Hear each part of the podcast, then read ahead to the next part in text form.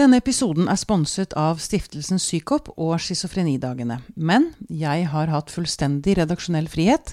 Spørsmålene jeg stiller, er mine egne. Alle har en syke, og jeg vil gjerne snakke om det.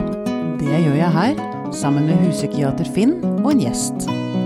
Dette er Pia på syke. Pia og psyken har dratt på tur. Eh, vi har dratt til Stavanger og til en konferanse som jeg vet er veldig, ligger ditt hjerte nær, Finn. Schizofrenidagene. Ja, jeg har vært her utallige ganger, og så liker jeg å hele tiden kalle det en uh, Nordens viktigste psykiatrifestival. Festival, hva, hva, er forskjellen på en konferanse og en festival? Det må jeg vite. Det er morsommere med festivaler. ok.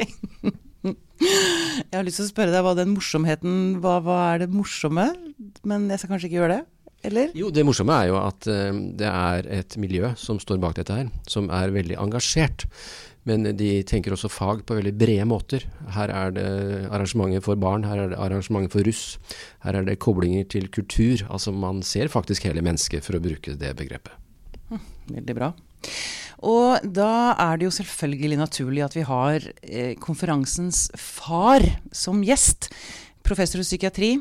Og eh, vi kan si schizofrenidagenes far, ikke sant? Jan Olav Johannessen? Jo, kanskje bestefar etter hvert. Det kan jo være. Men jo da, det, vi har jo holdt på i 30 år nå. Eh, og når vi begynte med schizofrenidagene, så var jo det for i, grunnen et folkeopplysningsprosjekt like mye som det å, å, sikre en god standard blant våre fagfolk, og sikre at disse pasientene fikk den behandlingen de skulle ha. Mange lurer jo på det navnet schizofrenidagene, sant. Og det er jo egentlig et helt sykt navn. Eh, men, Men det begynte der, ikke sant? Det begynte med, i mine tanker, at eh, både menneskene rundt oss, eh, jeg sjøl når jeg var ung, de jeg jobbet med, de turde jo nesten ikke ta ordet schizofreni i sin munn. Uh, fordi vi var livredde for å, å antyde en skjebne òg for våre pasienter, sant? som vi ikke ville unne noen. Sånn som vi så på det. Og vi led jo på den tiden alle av det vi kaller for klinikernes illusjon. Vi som jobbet i systemet, vi så jo bare de som ikke ble friske, og så trodde vi at ingen ble friske. Så dermed så uh, måtte vi, tenkte vi, bryte ned stigmaet knytta til, til, disse tilstandene. Og første gang vi hadde schizofrenidager i Stavanger, så hadde vi jo eh, forelesninger for publikum og, i Kulturhuset. Og da kom der, husker jeg vi hadde plass til uh, 500. Det kom 1000 vanlige mennesker fra, fra, byen for å høre på fortellinger om hva egentlig er psykisk lidelse. Altså ikke helse, helsefolk, men, men vanlige folk? De hadde sitt eget. De hadde sitt eget uh, Vi hadde jo egne forelesninger og konferanser samtidig for de, uh, og vi hadde kulturen med oss fra begynnelsen av òg. Og tanken bak det med kultur var jo å gi en inngangsport til kontakt med egne følelser hos folk som vanligvis holder sånne ting veldig, veldig på avstand. Og det er jo mye kunstens skal du si, gode sider. Uh, at det gir oss kontakt med eget følelsesliv og setter det, tanker om det i gang igjen. Første gangen var det jo òg sånn at Og Det er jo litt morsomt. da. Vi hadde jo kunstutstillinger for og, og, og bl.a. av Munch og Hertervik og, og, og, sånn. Vi hadde lagt ned et stort arbeid i det. Uh, og når kunstner, bildende kunstneres samfunn, i, eller forening, i, i, i, Stavanger fikk vite det, så stilte de opp utenfor Kulturhuset med demonstrasjon uh, med svære bannere, fordi at Eh, bilder og kultur, det skulle ikke forbindes med noe som hadde med psykisk uhelse å gjøre. Så det var en brå start. Det var en brå start. Eh, hvordan, hvordan, svarte dere dem, da? Nei, jeg vet ikke. Det var jo sensasjonelt egentlig den gangen. VG hadde jo fire sider nesten hver dag om, om denne uh, schizofrenidagene, med bilder og reportasjer. Wenche Margrethe Myhre hadde store radioprogrammer om det. for det var en helt annen tid, og det er utrolig å tenke tilbake at det var bare 30 år siden. Jeg husker jeg skulle legge ut brosjyrer for dette, eh, symfonidagene oppe i, i, Folkets hus. Og da kom det en eh, ansatt i Folkets hus og sa at de ville ikke ha sånne brosjyrer liggende i Folkets hus. Så det er 30 år siden. Det er jo helt sprøtt. Um, men um, jeg regner med da, det ligger vel egentlig i det du sa nå, men stigma er blitt redusert. Det er eh, vesentlig mye lettere å snakke om tunge psykiske lidelser som schizofreni i dag. Det er veldig mye lettere, eh, og det skyldes jo òg at eh, vi forstår mye mer av disse lidelsene. sant? Schizofreni er jo egentlig ikke-eksisterende. There's no such thing as schizophrenia. Eh, vi snakker om dimensjoner, vi snakker om psykologiske sammenbrudd, vi snakker om uheldige livshendelser. Vi snakker om sårbarhet, og vi snakker om forvirringstilstander. Sånn at uh, psykoselidelsen er jo i bunn og grunn bare alvorlige uh, forvirringstilstander hvor følelsestrykket blir for sterkt for oss. Men denne konferansen, eller festivalen da, eh, nå, nå, om dagen, hva, hva, hva er den for noe? Hva består den av? Jeg er veldig glad for det begrepet som Finn bruker, eh, festival. Og det er en eh, mental helse, psykiatri, kultur, eh, debatt, konferansefestival. Det er mye på en gang, eh, og, og, det består av utstillinger, det består av foredrag, det består av debatter, det består av filmvisning, det består av teaterstykker, ja, kunstutstillinger, eh, litteraturgjennomgang bokbad. Og ja, det er det store og hele en, en, veldig god og kjekk festival. Mm. Og så drar dere inn eh, ganske heftige foredragsholdere også fra, fra, ut, fra verden? Ja, de, vi har lyst til å være oppdatert, sant. Eh, og, og bringe den beste og nyeste kunnskap eh, inn i fagfeltet. Eh, det er jo sånn at eh, det har skjedd utrolig mye i forståelsen av psykiske lidelser de siste bare fem årene. Eh, og vi har en mye bedre logisk forståelse, og det tegner seg et mye bedre logisk sammenheng mellom det som i utgangspunktet er normale følelser, og det som er det psykologiske sammenbruddet. Så det er det viktig å få fram til våre fagfolk. Det som er kanskje det viktigste som på denne konferansen i år, det er liksom igjen understrekingen av det helt basale, altså tilbake til fortiden. At for å hjelpe mennesker i psykisk nød, psykisk smerte, så må du kjenne mennesket. Sant? At du må gå inn i menneskets livshistorie. Og eh, du må, i det øyeblikket du har stilt en diagnose, så må du glemme diagnosen. sant? For det er ikke noe menneske som passer inn i en diagnose eller i en silo, sånn som det er. Men det gir en retning noen ganger. Det gjør det. Det fagfeltet beveger seg fremover. Det, er, det, er veldig, det, blir jeg veldig glad for å høre, da. Ja, det skal det være. Og jeg syns jo det er veldig fint å høre på Jan Olav. Og for å si dette litt fra Oslo, da, eh, så tenker jeg at eh, det å forholde seg til schizofrenidagen og forholde seg til Stavanger, betyr jo å forholde seg til et miljø som kanskje pga. byens særegne økonomi, men også pga. dens beliggenhet, den er retta mot kontinentet. Altså, det er større åpenhet for hva som skjer i Canada og USA her, opplever jeg, i dette miljøet, enn hva vi kanskje opplever på Innlandet og i Oslo. Så de er veldig godt oppdaterte. Her hentes det inn virkelig fremragende folk. Eh, samtidig så, og det jeg nå skal si er litt sånn komplisert, for det kan høres ut som jeg snakker noen ned, men jeg gjør ikke det. Eh, men medisin er et fag. Eh, og så finnes det andre fag som vi kaller humanistiske fag, humaniora. Og det Jan Olav sitter egentlig og sier nå, eh, still en diagnose og glem den, det er jo at vi må alltid leve i begge fagfeltene. Vi må leve mellom medisin og humaniora. Og hva er det jeg advarte meg selv mot å si? Jo, mye av medisinen er ikke så interessert i humaniora. Medisinen er veldig opptatt av medisin. Du har medisinske forklaringer, du har biologiske modeller, de er ok. Eh, men mennesker lever alltid i sammenhenger, og det så eksplisitt koble mennesket opp mot litteratur, kunst, og ikke minst ha et veldig sterkt eh, brukerperspektiv på disse festivaldagene, har jo vært et særmerke hele tiden. Så for å spissformulere, dette er kanskje en spydspiss for liksom den humanistiske psykiatrien i Norge for tiden. Så alle disse Oslo-folkene som mener at de alltid vet best, de gjør kanskje ikke det? Ja, akkurat nå bor jeg i Oslo, så jeg skal ikke snakke oss ned. Eh, men jeg tenker at eh, jeg, det at vi har fått til et, en faglig kultur her, da, eh, som viser dette gjennom denne festivalen, men også som jeg merker når jeg har kontakt med kolleger i Stavanger, altså jeg er veldig oppdatert på verden. Eh, og gjerne ta med en kunstutstilling. Det syns jeg er veldig viktig for faget. Altså Vi må ikke miste den humanistiske dimensjonen i psykiatrien. Og det kan vi miste. Eh, ikke fordi vi vil vondt, men vi har mye press på oss. Vi har press på tall, vi har press på levering, vi har press på dokumentasjon.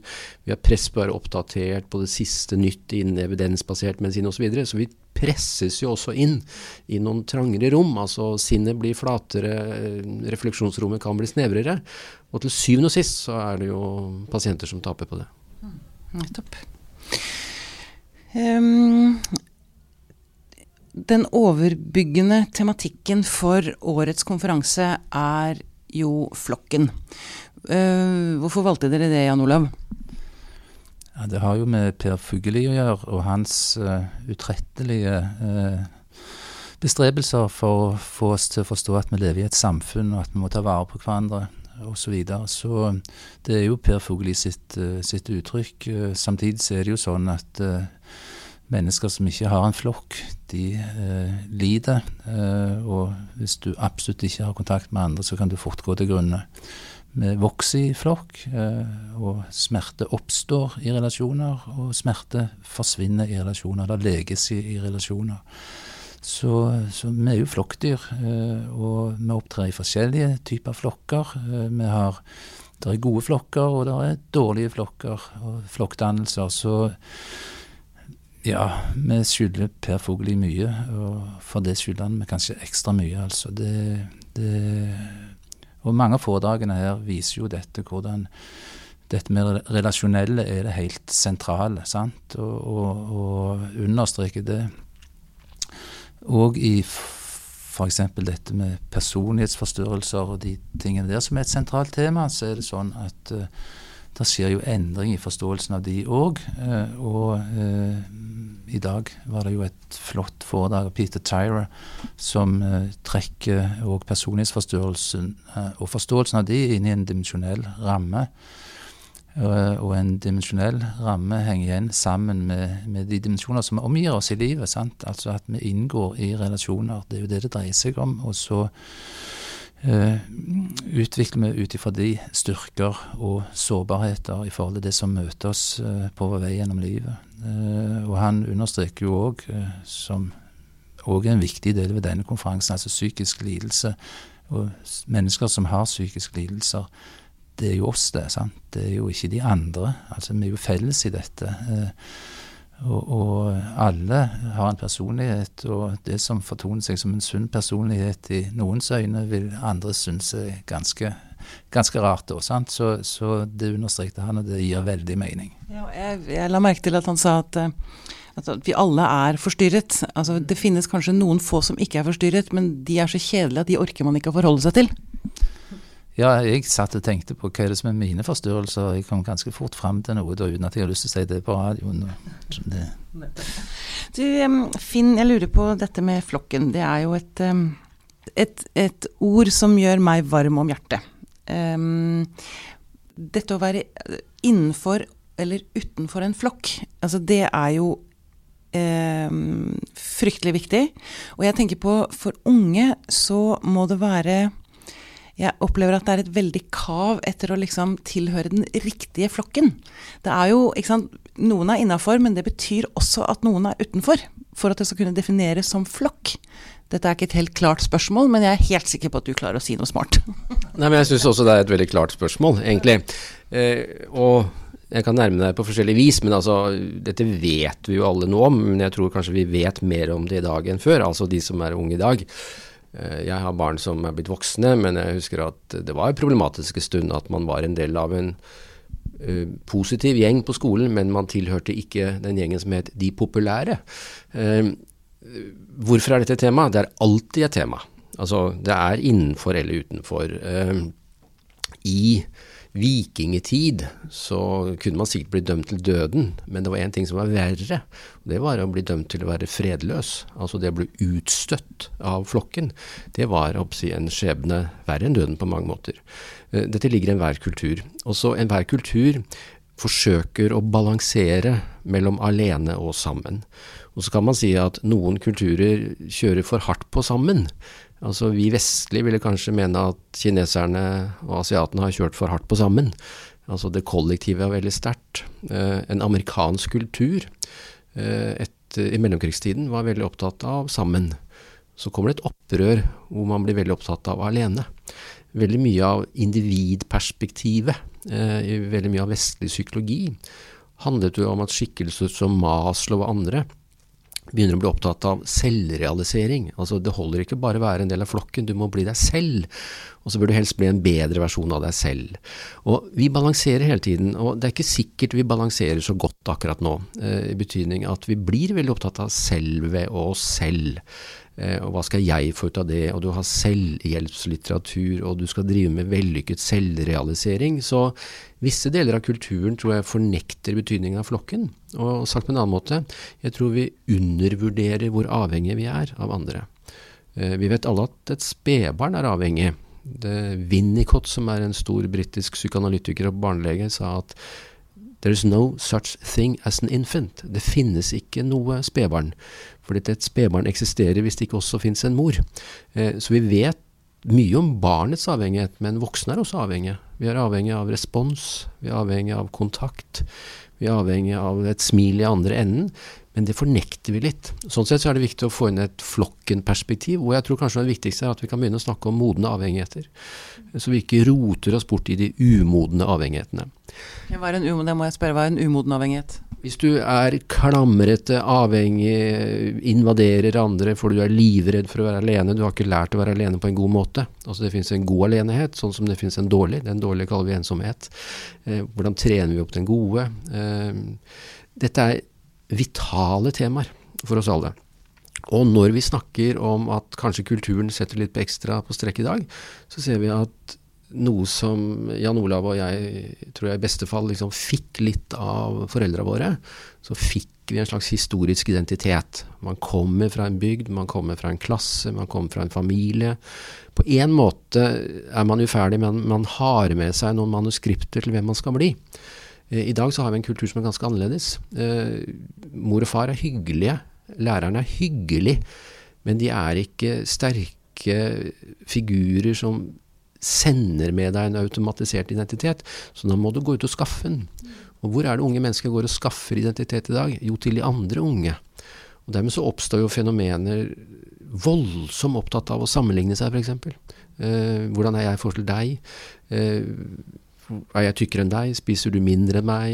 Er jeg penere enn deg? Hva er karakterene dine? Er faren din rikere enn min far? En voldsomt opptatt av å definere seg selv ut fra de andre.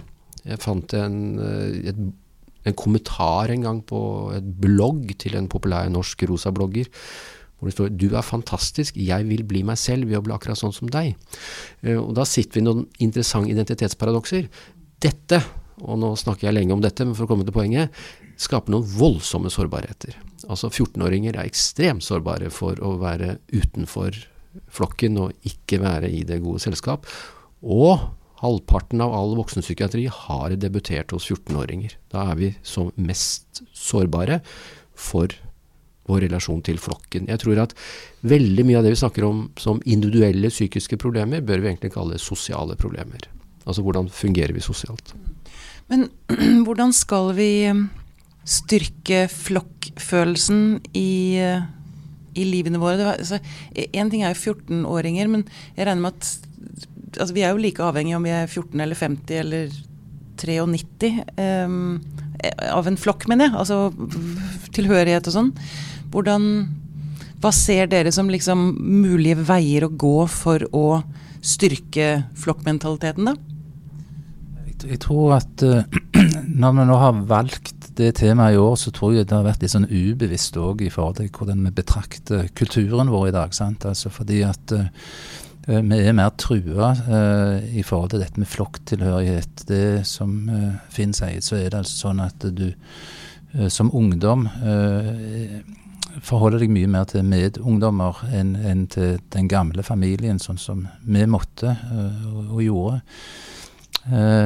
Så det er noen slags oppløsningstendenser i, i tiden på dette med, med, de gode sidene ved det å tilhøre en flokk.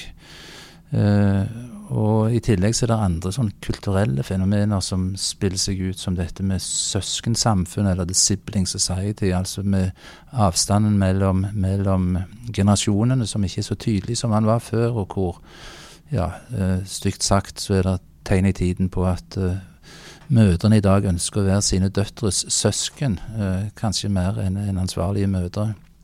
Altså andre uheldige trekk ved, ved, ved kulturen som, som vi må prøve å svare ut. og, og at da, Jeg mener, vil tilbake til Fugelli, fordi jeg tenker det er jo hans store uh, fortjeneste at, at, dette er blitt satt tydelig på dagsorden, tenker jeg.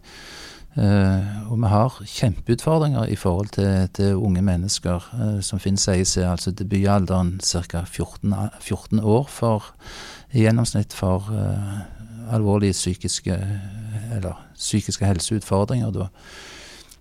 og f.eks. i, i det liksom ytterste sammenbruddet, så er jo psykosen så er det jo 20 år som er gjennomsnittet for at du får det. Og da har du i tillegg gått fem år før dette. sant? Og mye det oppstår da i ungdomskulturen, eh, for den kan være både reparativ, eh, men det kan òg være ødeleggende i forhold til om du blir inkludert eller om du står utenfor, altså. Ja. Mm.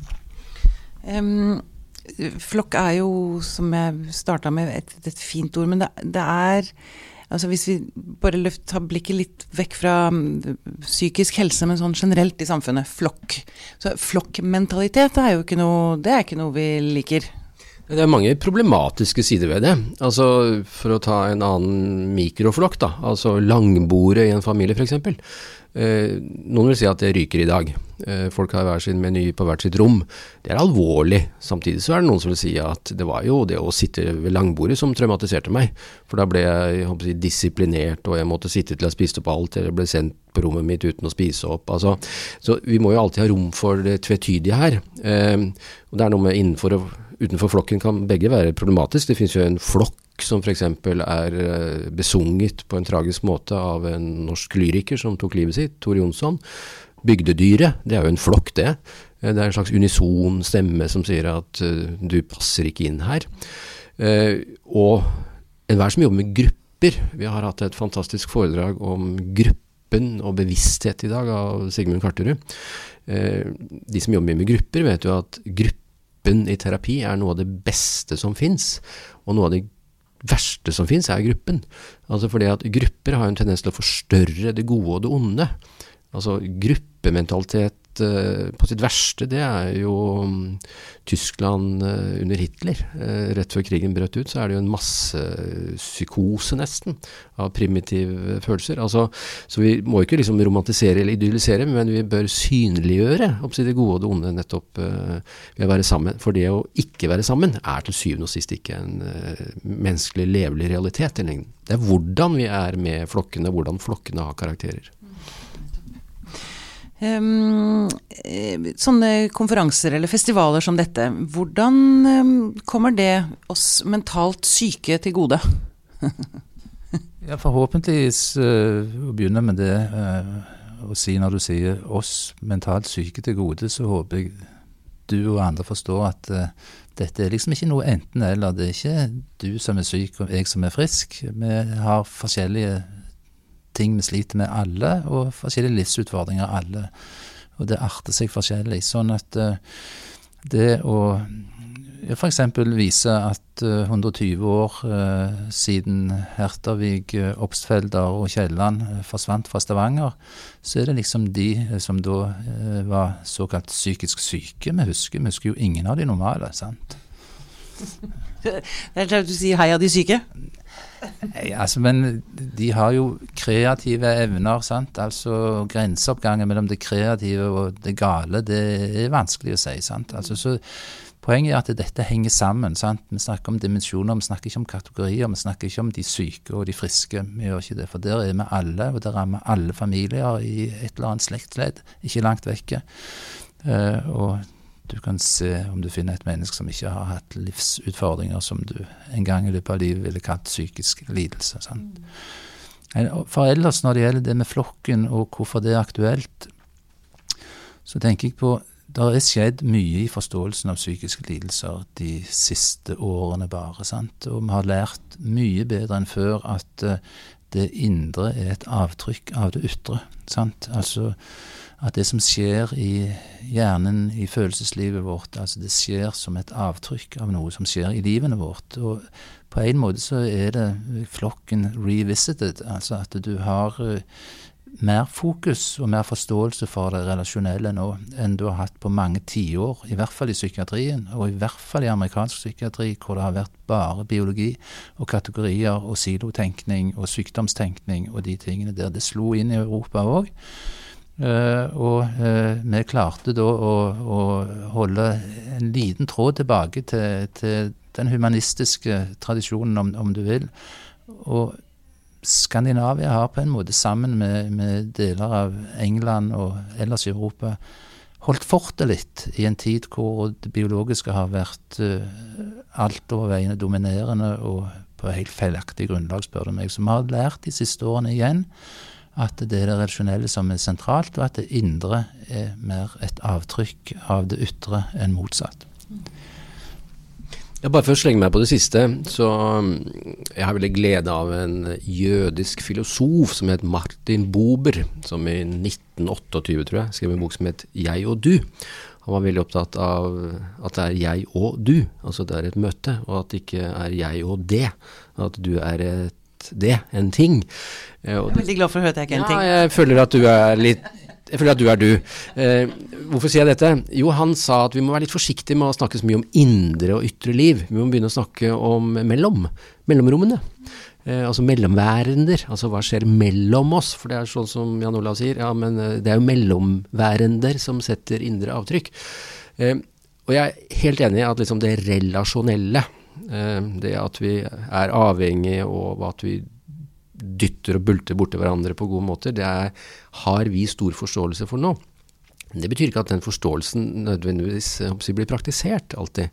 Og da ble jeg litt opptatt av jeg, den medisinske medisinen og den humanistiske medisinen. For at f.eks. veldig mye av diagnosesystemene våre, det er jo ikke diagnoser på flokken din. Eh, det er jo diagnoser på hva du lider av. Altså det er veldig mye individtrøkk. Eh, og de økonomiske systemene i helsevesenet handler veldig mye om hva den har fått av møter. Altså, og plutselig så gruppeterapi er dårlig betalt, og familieterapi er dårlig betalt. Altså, eh, vi må se at kunnskapen om relasjonene den er sterk, men det er mange systemer som drar i motsatte retninger. Så det er en kulturkamp også dette her. Eh, og da er det jeg. Det er mye lettere for meg å sitte og skryte av Stavanger-miljøet, Jan Olav. Eh, da er jo dette miljøet på en måte vært en spydspiss, nettopp i den type tenkning, men også eh, i 30 år i folkeopplysning. Du spør om hvordan kan dette komme brukere og pasienter til gode. Folkeopplysning. Kunnskap er makt. Få det ut. Vi har ingen hemmeligheter vi som er fagfolk, for resten av verden. Del alt vi kan. Og det er skikkelser i dette miljøet her. Geir Ragna Blokk Thoresen, som dessverre døde altfor tidlig, hun var jo en sånn spinnvill motor i å spre kunnskap ut alle. Og det er også en av mine gleder ved å komme til denne Stavanger-kulturen her, at de er så opptatt av å dele. Hva håper du da, Jan Olav, at uh, de som er med på denne konferansen nå, uh, hva, hva håper du at de tar med seg hjem og videre ut i sitt arbeid? Jeg håper at de forstår at uh, psykisk lidelse ikke er sykdommer. At det ikke er kategorier, at det ikke er diagnoser som liksom er mennesker, men at de med en gang de har stilt en diagnose, legger vekk diagnosen og går inn i mennesket og blir kjent med det mennesket. Uh, og det som er så godt fått demonstrert her, det er jo det at uh, igjen, det er relasjonen som er det viktige òg i det terapeutiske. Eh, skulle si, tilnærmelsene eller forsøkene vi gjør. samtidig som relasjoner kan òg ha uheldige sider, og at vi skal passe på hva vi formidler i de relasjonene. Det som Finn sier om folkeopplysning, det er òg viktig at vi gir Altså når jeg ble oppdratt, for å si det sånn, i min psykoanalytiske, psykoterapeutiske uh, ja, teknikk, så var det jo spørsmål kan du snakke med pasienten om dette med motoverføring og overføring. Kan du fortelle at sånne ting eksisterer? fordi at da vil jo alt bli ødelagt, liksom. sant? Altså du og jeg husker når vi begynte med sånn, det såkalte psykoedukative, som, som sånn, så var det mange av de eldre kollegene som rynka på nesen og syntes at det, det er å gå over en grense. At vi forteller eh, disse eh, som skal hjelpe, om eh, ja, psykiske eh, faktorer eh, osv. Eh, heldigvis har det jo skjedd veldig mye. Og, og eh, for meg begynte det litt sånn med at uh, når jeg studerte medisin, så lærte vi jo det at den kunnskapen som tidligere var nedfelt gjennom generasjoner, gjennom det at du hadde en bestemor rundt deg i, i nærmiljøet, så visste du hvordan meslinger så ut. sant? Eh, så eh, forsvant liksom eh, den kunnskapen mellom generasjonene i sånn som det utforma boligområdene, f.eks. Bosetningsmønstrene. Og så gikk du til legen istedenfor for å finne ut hva dette utslettet var for noe. sant? Og det kom til meg en gang, husker jeg, tidlig på 80-tallet, da jeg gikk opp på talerstolen som helt ny i Norsk psykiatrisk forening på Modum Bad og holdt et foredrag om hvordan vi måtte gi kunnskapen tilbake til folket. Uh, og det er jeg tilbake igjen til begrunnelsen for hvorfor vi har schizofrenidagene, opplysning, antistigma og alt dette. Uh, jeg tror vi er i stand til å håndtere mye mer, mye bedre hvis vi har kunnskap om hvorfor ting skjer. Jeg husker ikke, jeg er ikke så god på å huske sånne sitater, men jeg vet at Mozart sa noe om at musikken oppstår i, i pausene, altså det som er mellom tonene. Uh, og det er, det, jeg, har bare, det, jeg, har tenkt på det mens dere har snakket, at det er, det er jo egentlig dette, med, dette som skjer mellom oss. Om det er oss som sitter her, eller oss på denne konferansen, eller eh, behandler og pasient, liksom. Altså det der som skjer mellom. Det er um, Ja. Ja, I fjor så var det en litt sånn eh, risikabel presentasjon her på Schizofrenidagene. Fordi en av nestorene i verdens psykoterapi, skjønnlitterær forfatter Irvin Yalom, den gang 86 år, eh, ble intervjuet på en videolink eh, fra California San Francisco. Jeg vet litt om at det var nervepirrende, for det var jeg som intervjua han. Og det var seks om morgenen, og han slapp ikke inn i studiet der borte. Han, men det gikk fint. Eh, hvorfor sier jeg det? Eh, Irvin Gjerlom er jo en veldig viktig si, farsskikkelse for mange av oss når det gjelder både humaniora og medisin. Og han snakker veldig mye om in-betweenness, altså det som skjer mellom oss. Eh, og apropos Mozart, eh, jeg har også sett et sitat om han en gang, ikke av han, men om han, som sier at man jo, det er Wittgenstein som uh, skriver. Man kan beskrive en symfoni, man kan forklare en symfoni av Mozart, men det vil alltid finnes en magisk rest. Det er noe som ikke lar seg forklare. Og jeg tror at vi kan beskrive mye hva som skjer i relasjoner, men det er alltid en magisk rest. Og det er det unike i ethvert møte. Vi heier på flere møter mellom folk. Mm -hmm. Velkommen igjen neste år. Da har vi som arbeidstittel 'Stressologi'. All you need is stress. All you need is stress. Ja. Og dette, nå skjønner jeg, nå kunne vi sparka i gang en helt ny episode, kjenner jeg. Ja, det får bli neste år, da. Veldig bra. Jan Olav Johannessen, tusen takk for at du eh, kom og snakket med oss.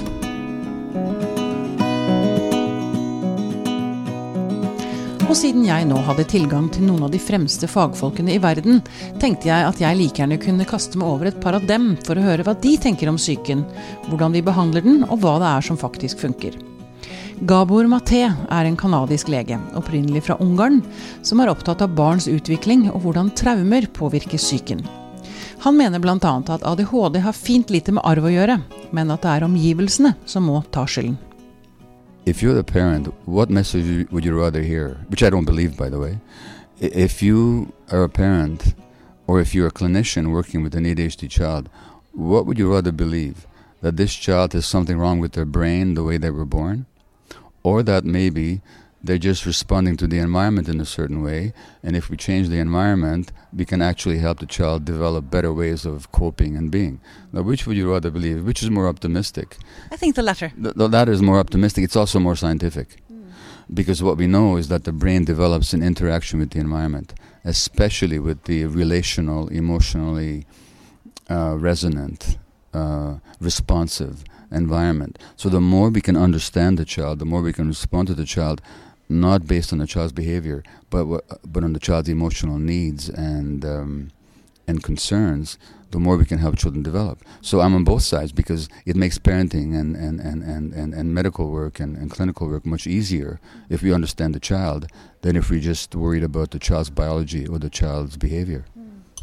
But um, uh, there is something profoundly uh, wrong or maybe even sick with the society because more and more children do develop or show signs of ADHD.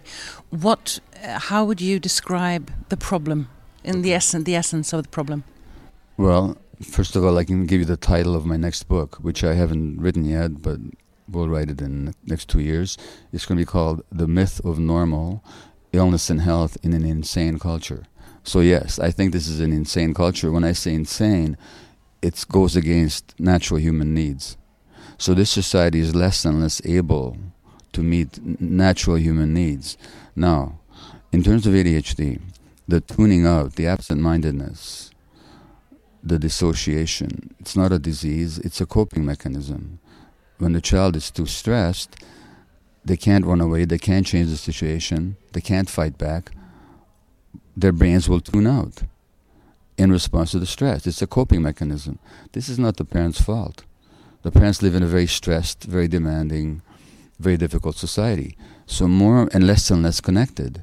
So the more and more parents are stressed, and the less connections they experience in their own lives because of the way this culture is, the more stressed the kids are going to be. The more stressed they are, the more they have a need to tune out and to go absent minded.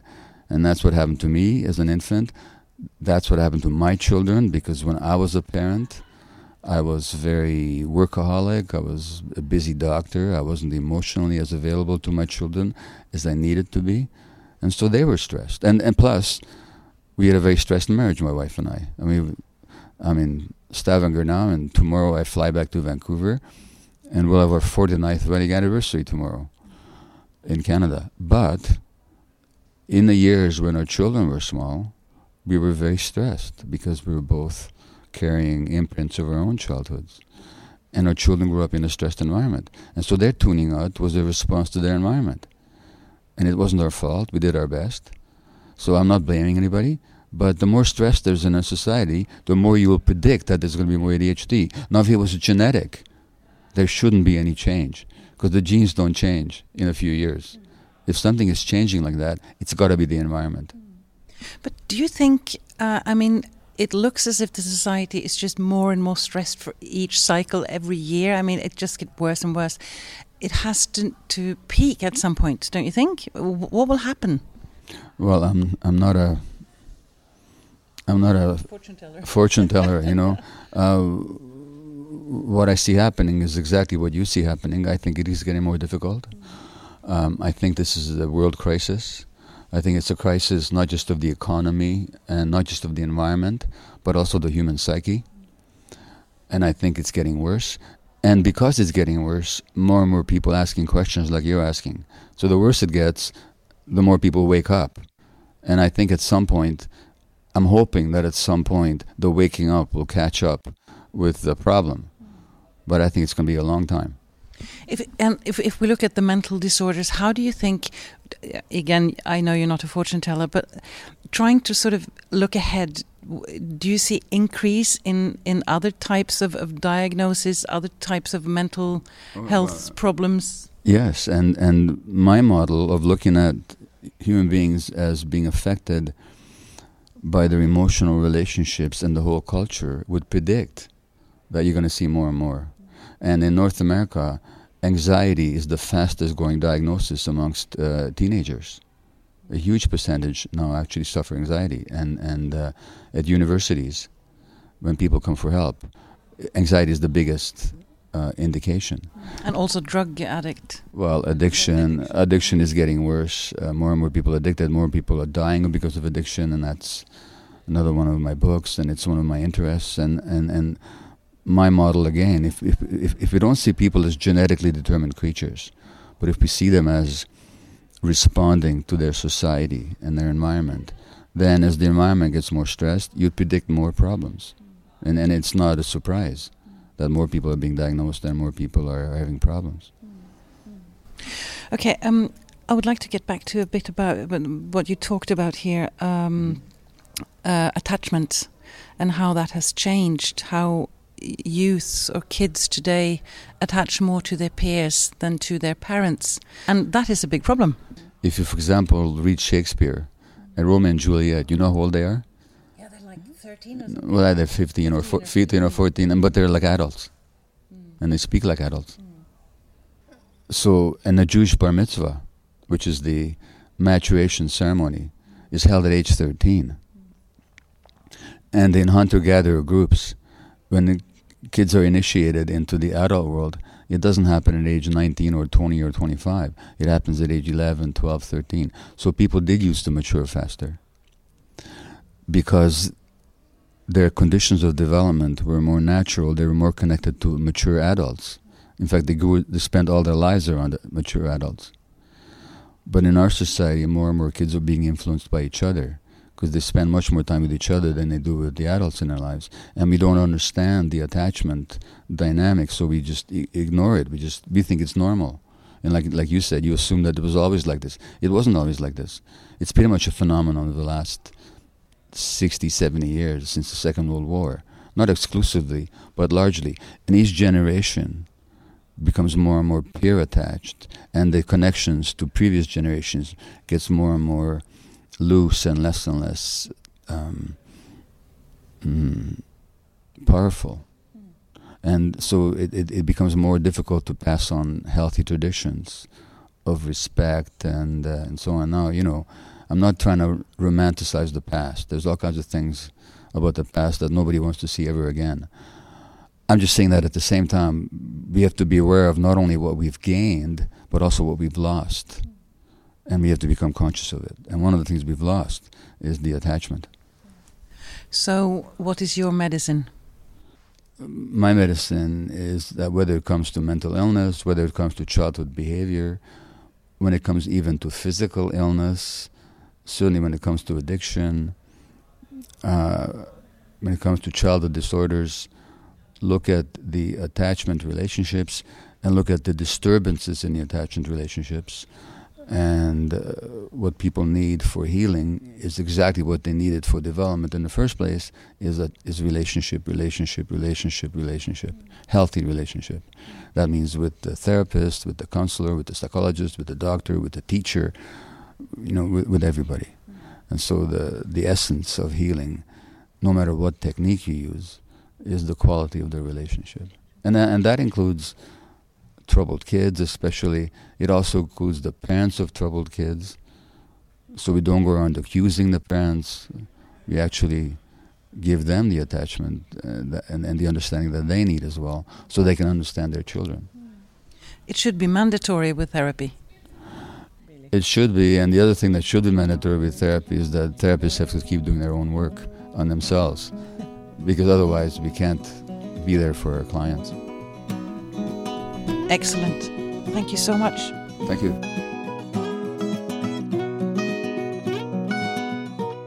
Den andre jeg huket tak i, var professor Alan Francis, en nestor innen psykiatrien, som bl.a. ledet arbeidet med den fjerde utgaven av den amerikanske diagnosemanualen. Francis startet sin karriere for mer enn 50 år siden. Det har skjedd mye innen psykiatrien på de årene, på både godt og vondt. Han opplevde bl.a. hvordan feltet ble mer og mer privatisert i USA under president Reagan, og hvor katastrofalt dette var for pasientene. En annen ting han er skuffet over, er den manglende utviklingen innen medisiner, og også hvor lite forskningen faktisk har hatt å si for pasienter. The other thing that has become apparent over the years is that the initial medicines that were discovered in the 50s turned out to be as effective as any medicines ever discovered since. This is very discouraging. That the first medicines were so effective, they worked, that people used them. The drug industry has spent tens of billions of dollars and reaped hundreds of billions of dollars in profit developing new products, usually very expensive, that are no more effective than the drugs we had 60 years ago. This is very disappointing. And the research efforts into the nature of the brain and what goes wrong in producing mental illness have been remarkably productive intellectually and remarkably unproductive clinically. So we've learned a tremendous amount about brain functioning. We now know how the genome works. We're beginning to understand the uh, some of the genetic uh, problems that lead to some of the mental illnesses. Although that understanding is going to be very remote in the future, but it hasn't helped a single patient all of the tens of billions of dollars of neuroscience research has not helped a single patient.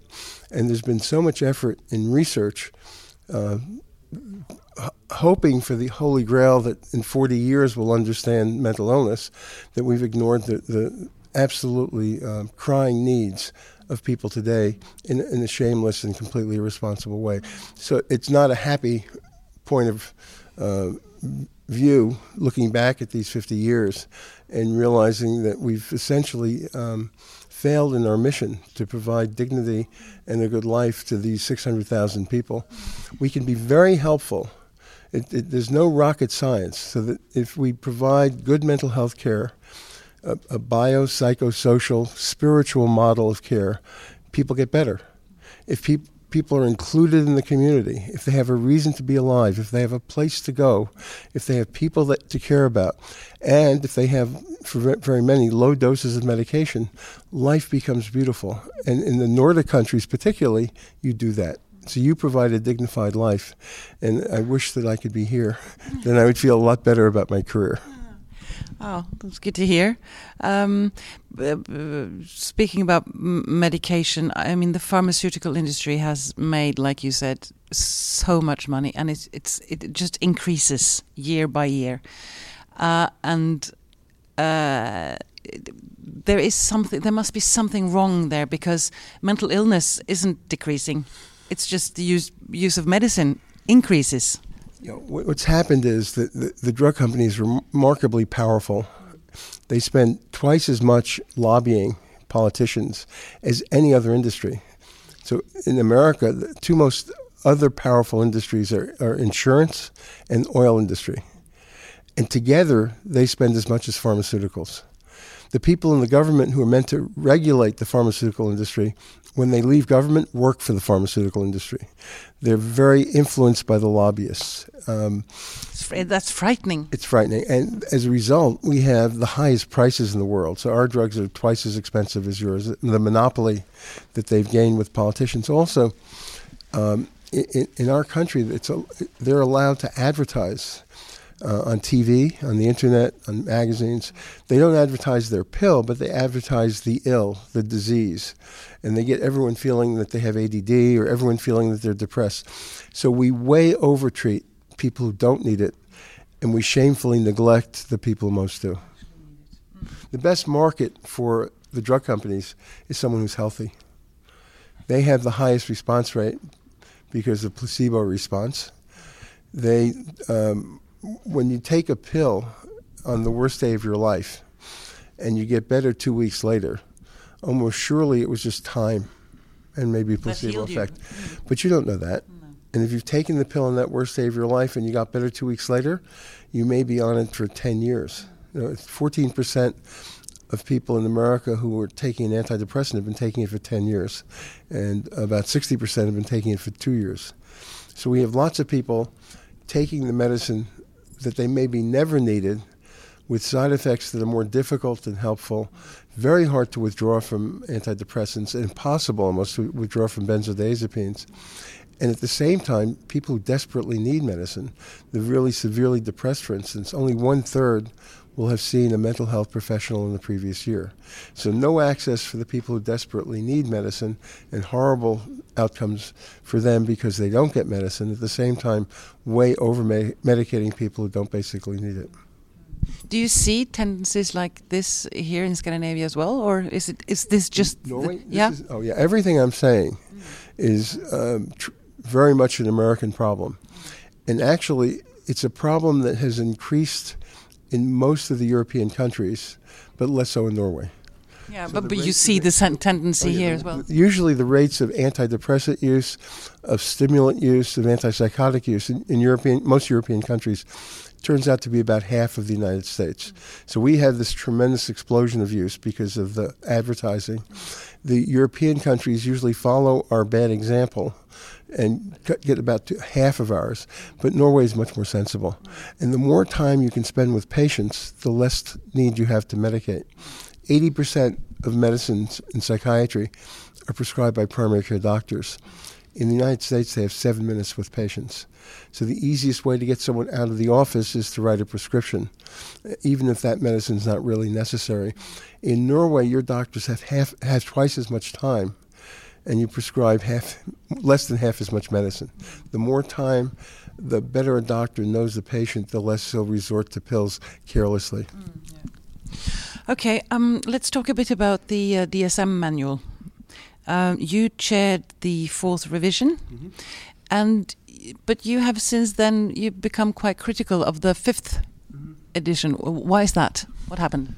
The biggest problem with the DSM system is it's too inclusive. It's too easy to get a diagnosis. And if we focus on people who are basically normal, more worried well than really sick, then we lose attention and resources for treating the people who are really sick.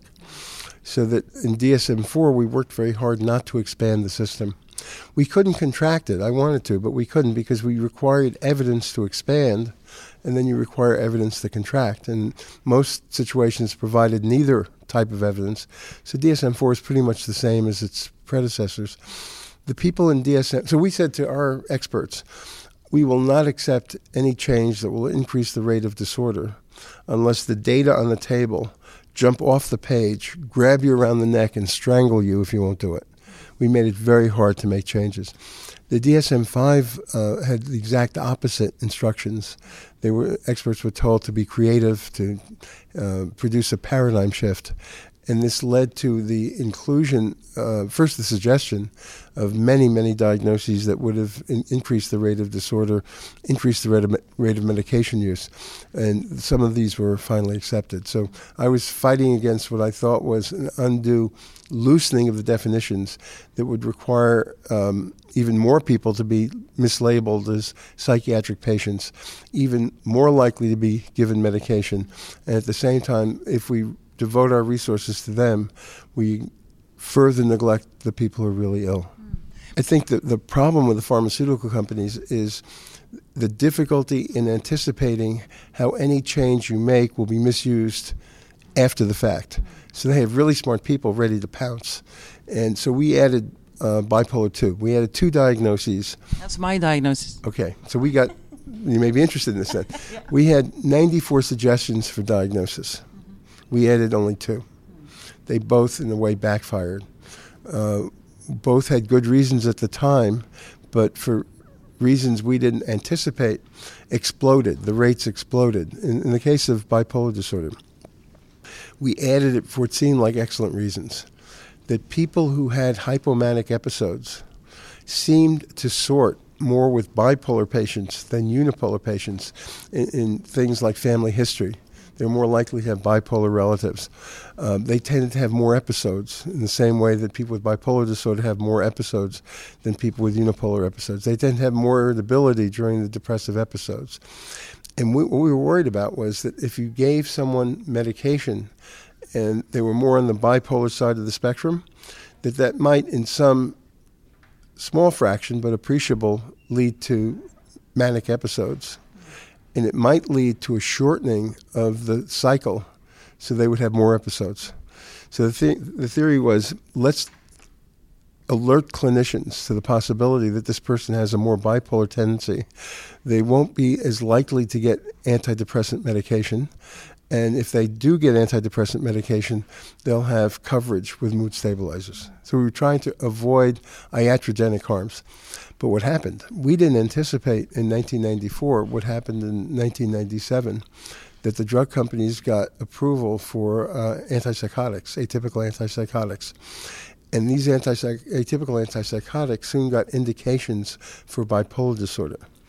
And they started advertising bipolar disorder and the marketing to the doctors. Everyone's missing bipolar disorder. Um, marketing to the patients on you know TV and um, we didn't have the internet then, but, but magazines advertising you may have hidden bipolar disorder, and it's very easy to think that you may have hypomania if you've had many depressions. Even normal good days may seem like highs. And so the doctors started diagnosing bipolar disorder like crazy. That doesn't say you don't have that problem, but just they started um, seeing bipolar disorder in people I would think should be diagnosed as regular depression, the rate of bipolar disorder went from being only one in six to one in three of people with mood disorder. We were hoping to protect people from the harmful effects of the antidepressants, but we burdened them with the harmful effects of unnecessary, for some of them, antipsychotics. But it seems like the pharmaceutical industry can almost exploit whatever you do. Yeah, they can just find a way to sort of spin it to to sell more. That's why I'm very much on the side of conservatism or constriction in the system to make it harder for them to to misuse. Okay, and I, I just have to ask. Um, you said uh, that um, labeling Donald Trump as a mental ill person that's actually very offensive to mentally ill people. Could you tell me why? Donald Trump is a um, badly behaved, um, evil person. Uh, most mentally ill people are very well behaved, very decent people. If his bad behavior is mislabeled as mental illness, it's a stigma on them. No one should be lumped with Donald Trump. Okay, and lastly, I wonder what do you dream of for the future within the psychiatric field? What, what what's your? Could you describe your utopia? doing the simple things well, going back to having community centers, a nice place for people to go, uh, a feeling of inclusion, of togetherness, um, a job in in, in uh, Trieste. It's a wonderful place for the mentally ill. They uh, the people who've been through the mental health system run. They staff two hotels, eight cafes, the um, landscaping services for the city, and uh, a taxi service. Uh, so if you're a patient in the United States, you may wind up in jail or in the street. If you're a patient in Trieste, you'll wind up working for the for the town. And uh, I don't think we should anticipate any breakthroughs that are going to make our situation better. I think we have to work with what we have. within the medicine or research or discovering the brain. It's good to keep doing, but it's it, we know from 40 years of experience that the returns may be very intellectually interesting, but they don't seem to help patients very much. So the focus should be doing the simple things well, uh, and that requires um, resources. It requires having a brain, how to spend them. It requires having a heart, and it requires some guts and giving um, the uh, the people we treat enough freedom so that sometimes they'll make mistakes, but that by and large they'll feel more in control of their lives. Okay, thank you. Thank you so much.